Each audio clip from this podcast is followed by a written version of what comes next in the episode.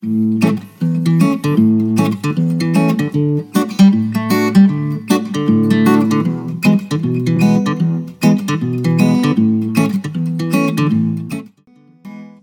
hallo. Wat leuk dat je weer luistert naar de podcast Tos en de digitale wereld.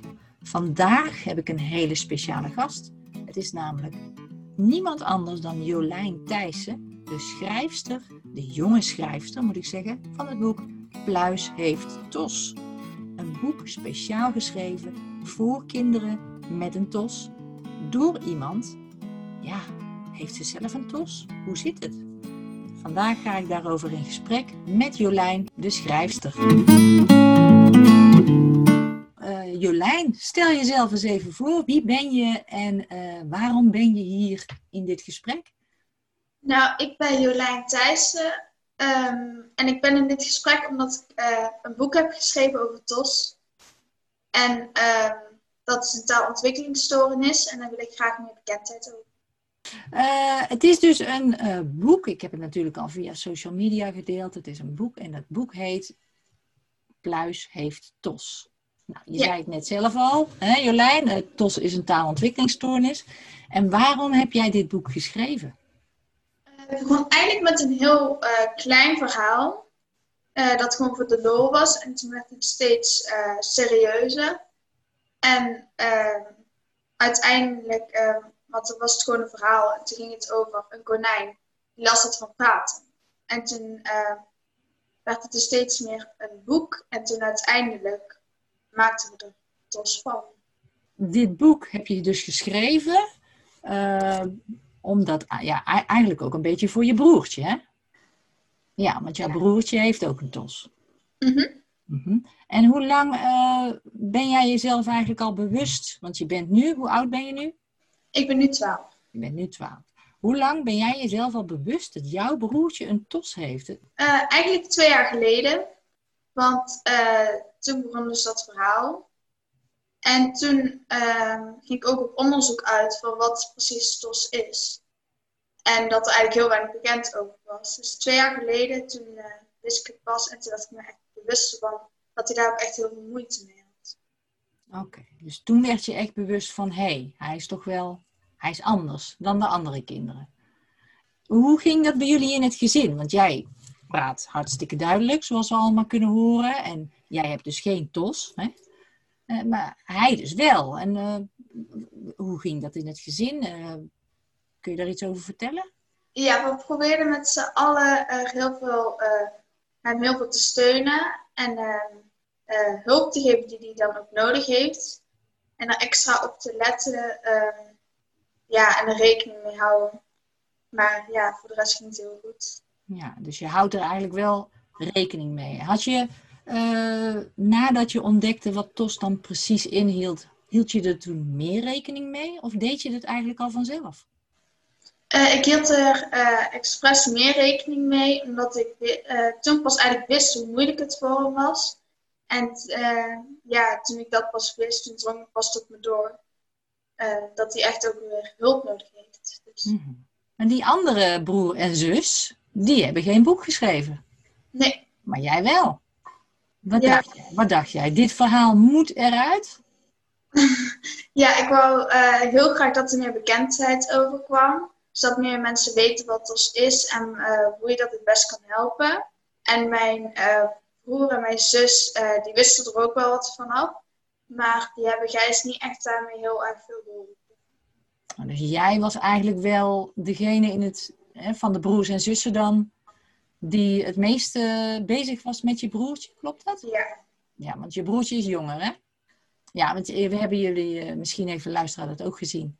Je hebt een filmpje, een heel kort filmpje op het internet eh, staan, tenminste, de krant heeft dat gedaan, waarin jij werd geïnterviewd. En daar zien we jouw broertje met jou samen en dan vertel je er ook iets over, dat jullie ook dingen samen doen om hem een beetje te helpen. Ja, door de spelletjes die eigenlijk uh, heeft gemaakt.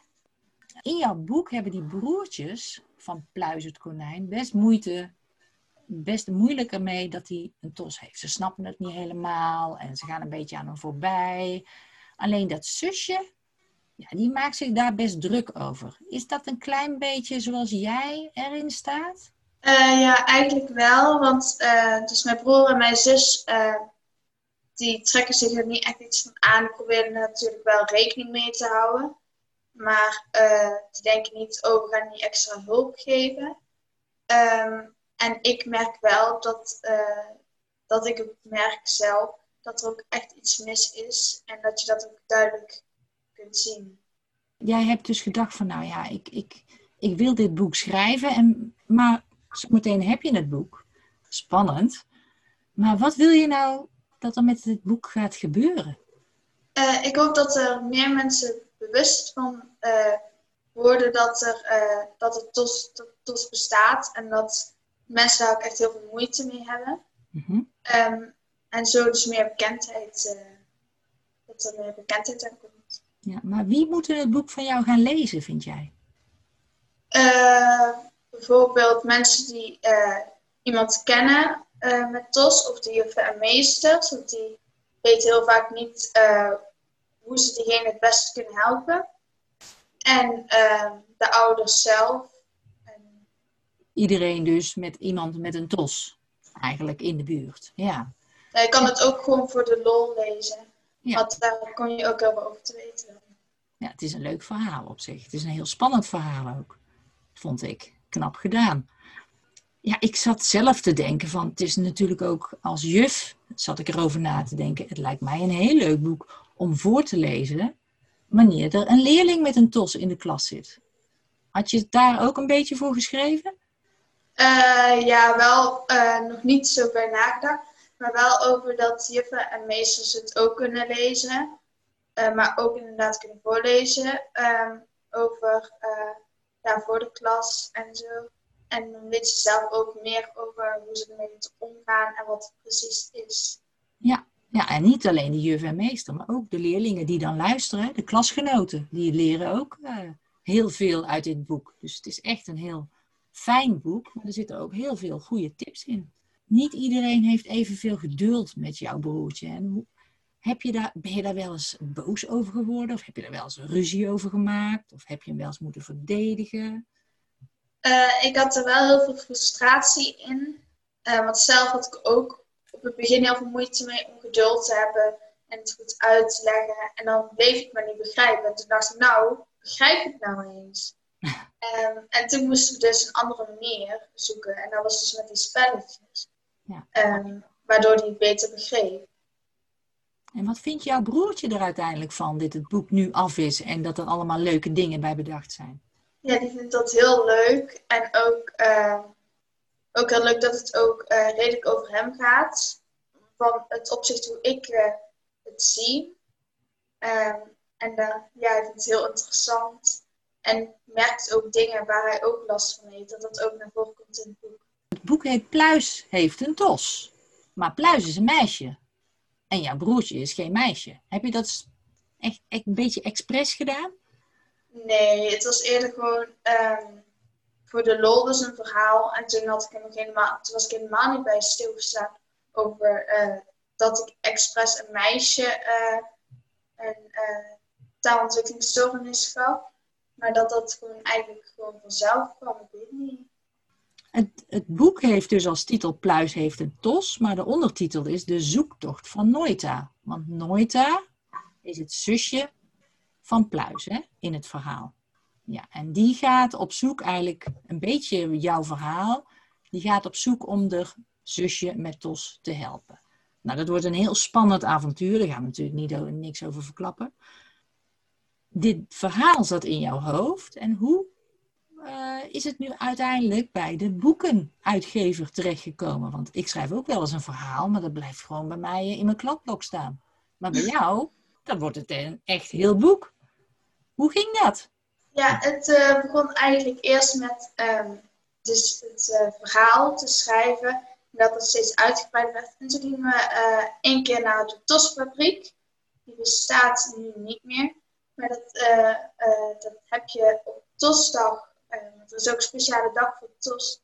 Um, dat we daar dan gingen en gingen allemaal activiteiten doen met mensen die TOS hebben. En toen opeens kwam Jet Mhm. eh, die kwam met het nieuws dat ze een uitgever had gevonden. Want ze, ze vond het verhaal zo leuk dat ze vond dat het moest uitgegeven worden. Wauw, dan heb jij wel een aanbeveling gekregen van een van de grootste TOS-specialisten van Nederland.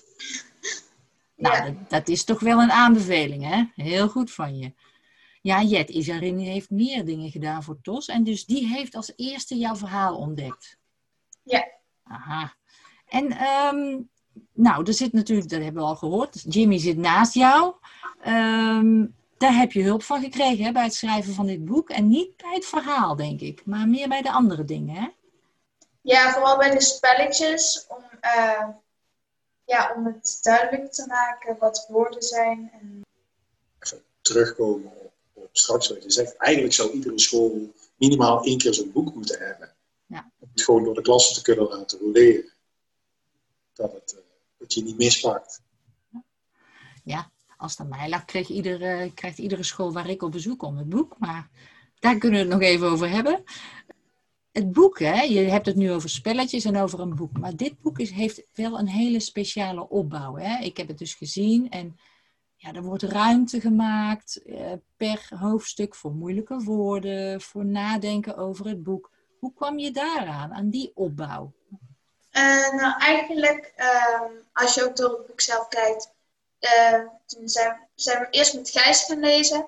En toen had hij dus moeilijke woorden, of eh, woorden die hij helemaal niet begreep. Dus toen we op het boek aan de kantlijn staat een pictogram met de uitleg wat het betekent, het woord. Ehm, en aan het eind van een, elk hoofdstuk komen de vragen naar voren.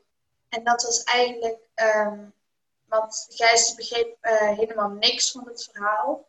En toen zijn we eigenlijk met de, eh, met de familie ehm, eens in gesprek gegaan van hoe kunnen we dat nou het best naar voren brengen om ehm, het ook voor Gijs duidelijk te maken. En dat was dus voor de eh, vragen aan het eind van een hoofdstuk. Aha, dus je hebt echt een ervaringsdeskundige, jouw broertje, het boek, eh, het verhaal verteld en gezegd, nou, wat moet hier nog meer duidelijk worden? Ja, nou, dat is wel dé manier natuurlijk. Want het is inderdaad heel mooi iedere keer een moeilijk woord, hè? Niet, niet te vaak, maar zo om de zoveel tijd komt er een moeilijk woord. Aan de zijkant van de, van de pagina staat dat dan, hè? Het ziet er eh, inderdaad heel mooi uit. Ook heel handig als leerkracht, denk ik, als je het aan het voorlezen bent. Dan word je weer bewust als je dit voorleest van hé, hey, misschien, en misschien zijn er nog andere moeilijke woorden die het kindje wat dan aan het luisteren is moeilijk vindt. Maar jij geeft al hele goede voorbeelden in het boek.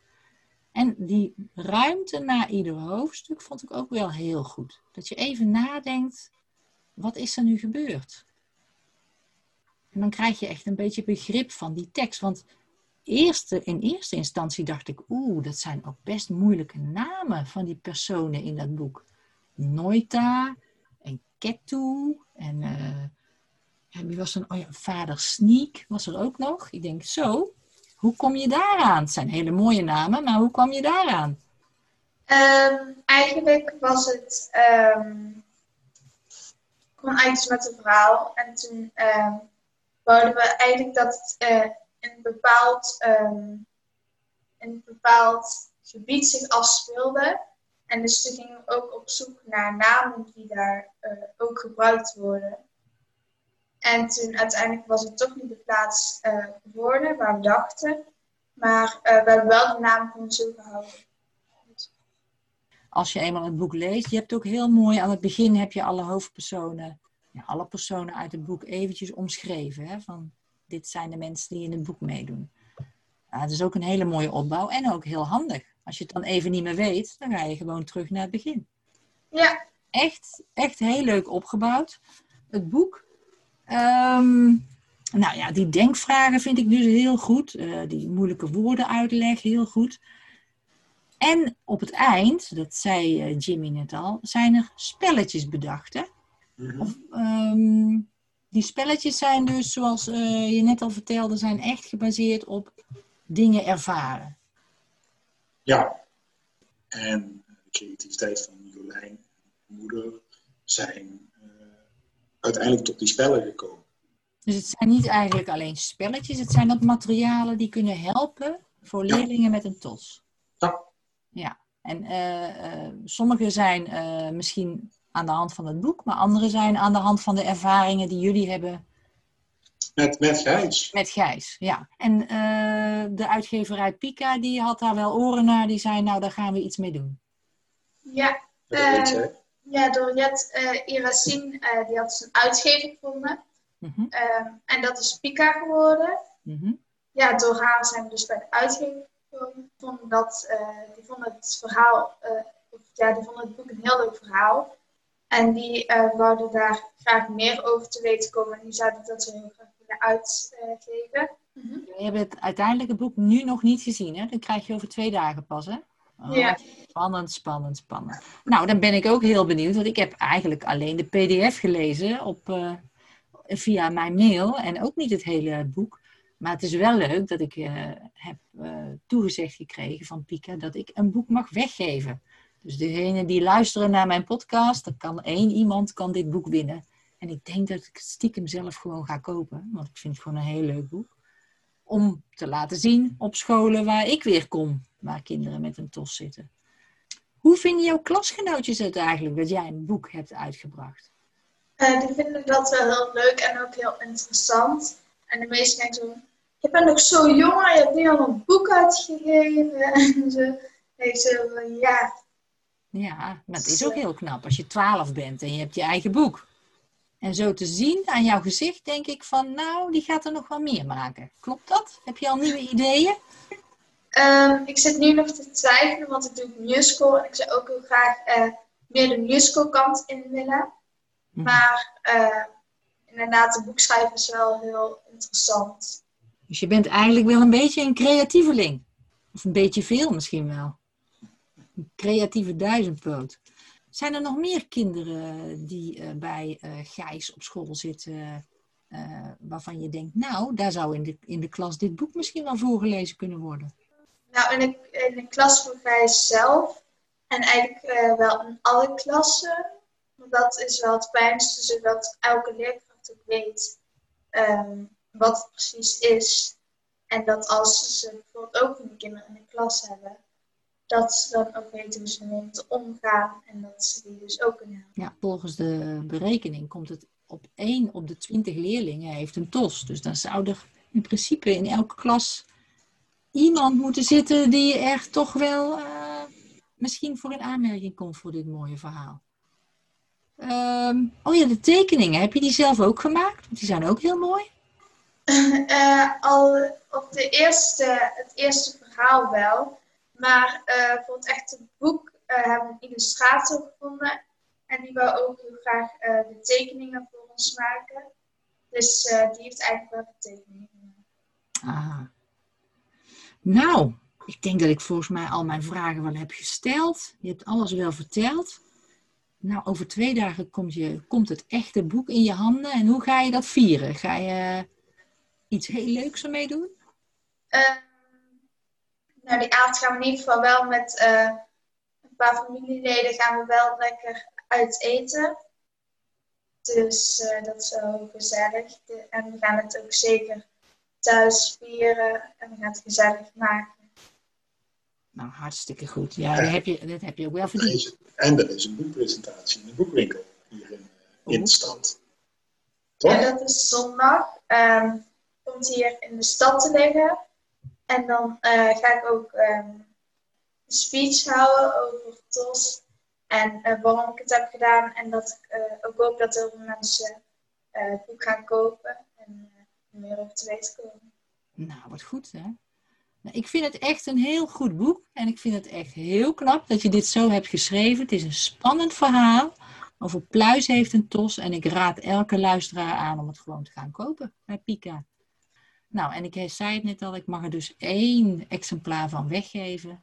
Dus uh, even naar, voor de luisteraars, schrijf mij via uh, social media, via Instagram of via Facebook een berichtje als je dit mooie boek wil winnen.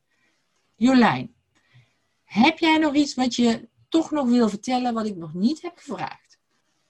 Nee. Ja. En dan met een mooie boek kunnen we een mooie inhaalslag maken. En het komt mooi in deze maand, hè, de oktober tosmaand. Nou, weer een ja. tosdag komt eraan. Dus hoe meer publiciteit voor TOS en hoe meer bekendheid, hoe beter. Want iedereen moet toch eigenlijk inmiddels wel weten wat het is, hè? een taalontwikkelingsstoornis.